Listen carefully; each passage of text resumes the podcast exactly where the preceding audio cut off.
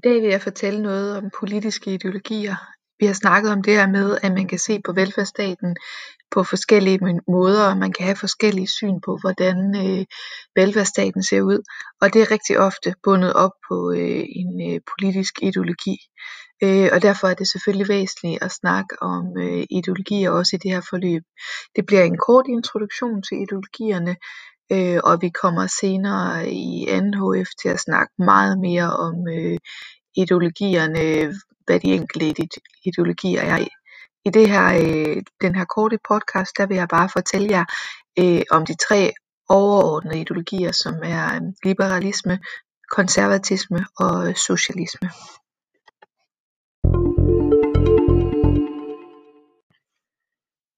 Helt overordnet set kan man sige, at en ideologi det handler om, at man har nogle antagelser om, hvordan det samfund, man lever i, er indrettet.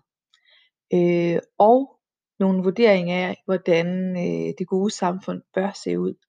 Og så til allersidst, at det er nogle måder at komme hen til der, hvor man gerne vil være. Det vil sige nogle handlinger, der gør, at man kommer hen til en situation, hvor samfundet ender med at se ud, som man mener, det bør se ud.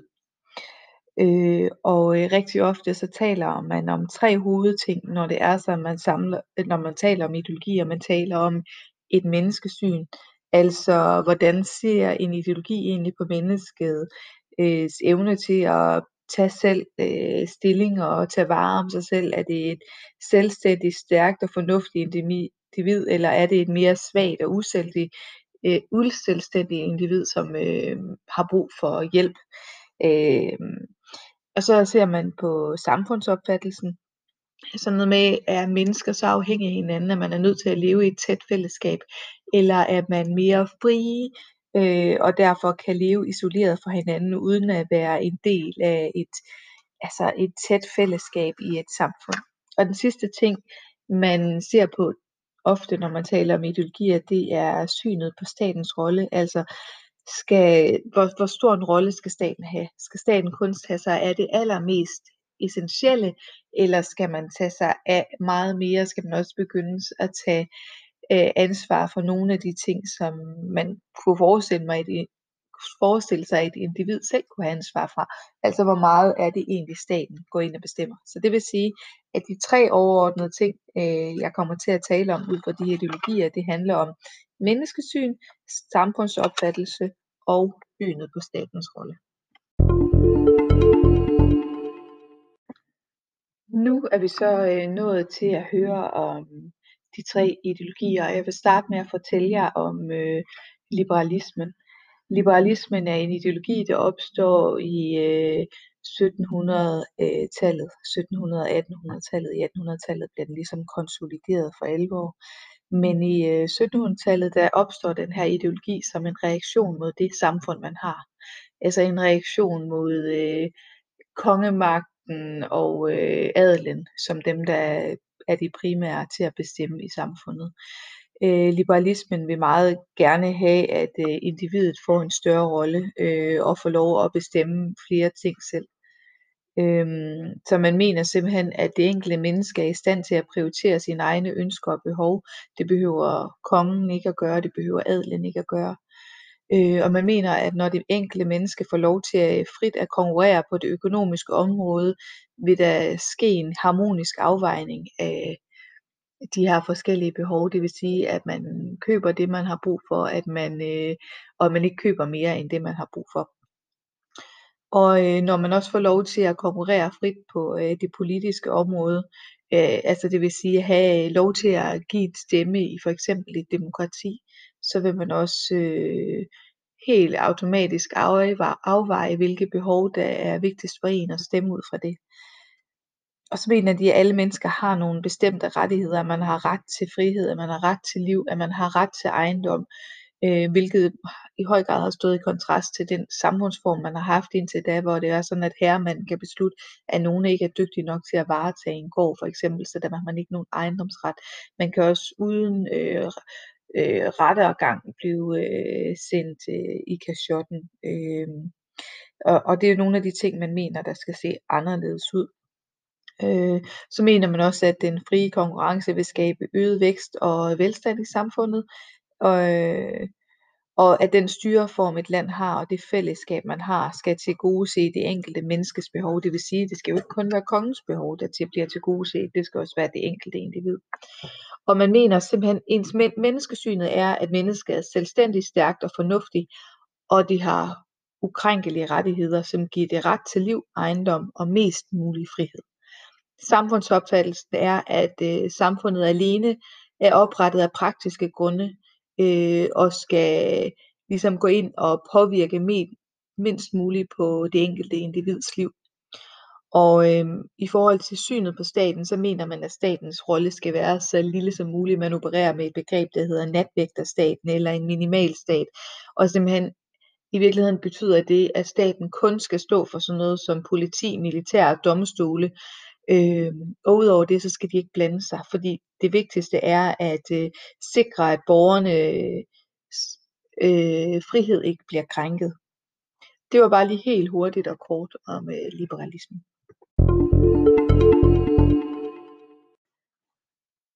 Den næste ting, det er helt naturligt at tale om nu, det er øh, konservatismen, for konservatismen opstår egentlig som en reaktion øh, på liberalismen. Øh, og øh, hvis man sådan lige skal sige noget om, hvad konservatismen handler om, så er selve ordet konservatisme meget godt at starte ved, fordi at det kommer af det latinske ord conservare, som betyder at bevare. Og det er det, der i virkeligheden ret godt over, hvad konservatismen gerne vil. De vil gerne bevare samfundet, de vil gerne øh, bevare det, der var. Altså, de vil gerne bevare kongen for eksempel rolle, øh, og er ikke særlig glad for øh, for eksempel den ændring, der sker under den franske revolution i 1789. Øhm, konservatismen mener, at individerne er svage og ufornuftige, og de skal underordnes en autoritet. Det kan være staten, det kan være en konge.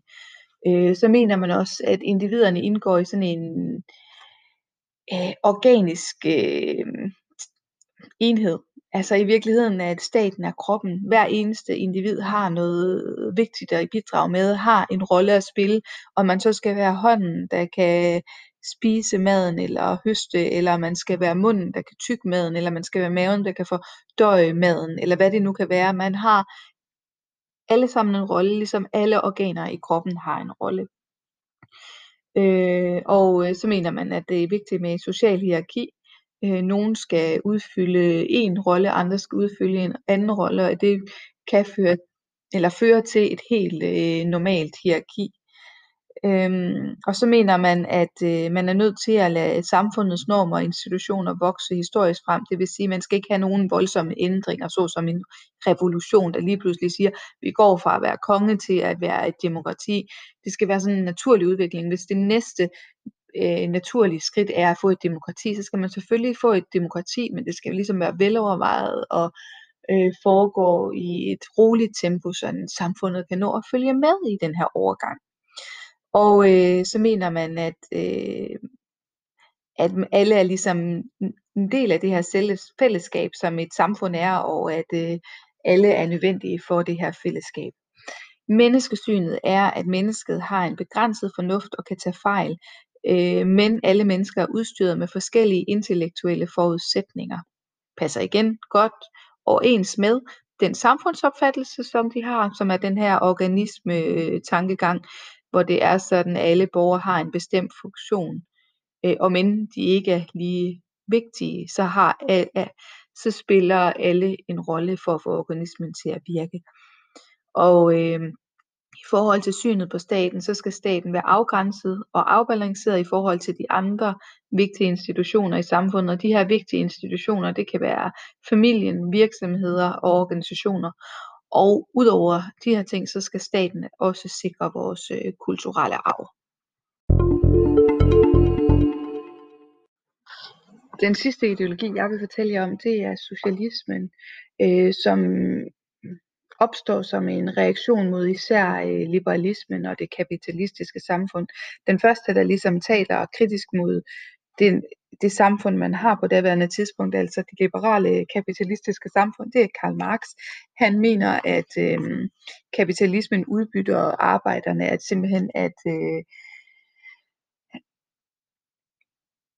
han mener, at øh, det kapitalistiske industrisamfund undertrykker arbejderne, øh, og øh, i stedet for at være dem, der ligesom arbejder for andre, så mener øh, Marx, at man skal arbejde for sig selv. Det vil sige, at langt hen ad vejen, så handler det om, at øh, det socialistiske samfund skal være et samfund, hvor arbejderne de skal øh, eje virksomhederne i øh, fællesskab og, der, og eje, altså arbejde på deres egne virksomheder.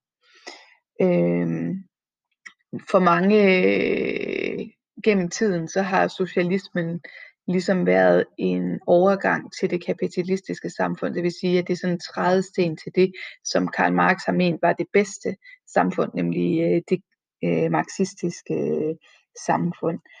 Øh, hvis man skal sige en lille smule om socialismen, så mener jeg, at socialismen er, at mennesket er et arbejdende væsen, som via redskaber og viden bearbejder råstofferne til produktion. Hvad betyder det? Det betyder, at de øh, dem, der for eksempel kan lave stål til øh,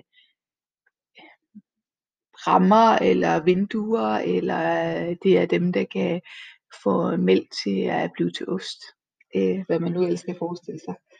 Og så mener de, at der er en nøje sammenhæng mellem den der menneskelige bevidsthed og den materielle produktion. Så mener socialismen, at det kapitalistiske system er umenneskeligt, og det fører til den her udbytning, øh, ufrihed og fremmedgørelse. Så mener de, at arbejderklassens frigørelse, det danner indledningen til det klasseløse samfund, som er noget, man gerne vil opnå og at menneskenes behov kun bliver opfyldt, hvis produktionen ejes og styres kollektivt. Øhm, så hvis det er sådan, man skal snakke en lille smule om, hvad hedder det, øhm, hvad socialismens menneskesyn er, så er mennesket et socialt og arbejdende væsen, øh, som bliver formet af det samfund, de lever i, og de er afhængige af fællesskaber. Og man mener, at øh, i forhold til samfundsopfattelsen, at øh, det nuværende kapitalistiske samfund, det er præget af interessekonflikt og klassekamp mellem dem arbejdsgiverne og så øh, lønmodtagerne. Og derfor mener man, at det kapitalistiske samfund vil gå under, og der vil opstå et socialistisk samfund i stedet for. Og i forhold til synet på staten, så mener de, at den øh, socialistiske stat skal være stor og stærk, og at den skal overtage ejerskabet af virksomhederne, og øh, sådan helt aktivt forsøge at skabe lighed og velstand for alle borgerne. Og så skal den udrydde øh, de gamle liberale og kapitalistiske idéer. Det var meget kort og øh, introduktion til de tre ideologier, socialisme, konservatisme og liberalisme. Øh, og det her, det skal vi øh, bruge til øh, både i dag at se på nogle forskellige politikers øh, syn på øh, velfærd, men også til at se på, hvordan velfærdsstaten er bygget op i Danmark, øh, og øh, hvordan de forskellige ideologier kan gå ind både og påvirke, hvordan velfærdsstaten rent faktisk ser ud, men også hvordan det påvirker den debat, der er om, hvordan velfærdsstaten skal se ud i fremtiden, øh, om der er plads til den, om der er råd til den, og om hvordan man ligesom formår at måske imødekomme de øh, udfordringer, som øh, der begynder at være i forhold til den danske velfærdsstat. Nu skal I jo høre øh, podcasten en gang til, inden vi ses tilbage på Teams.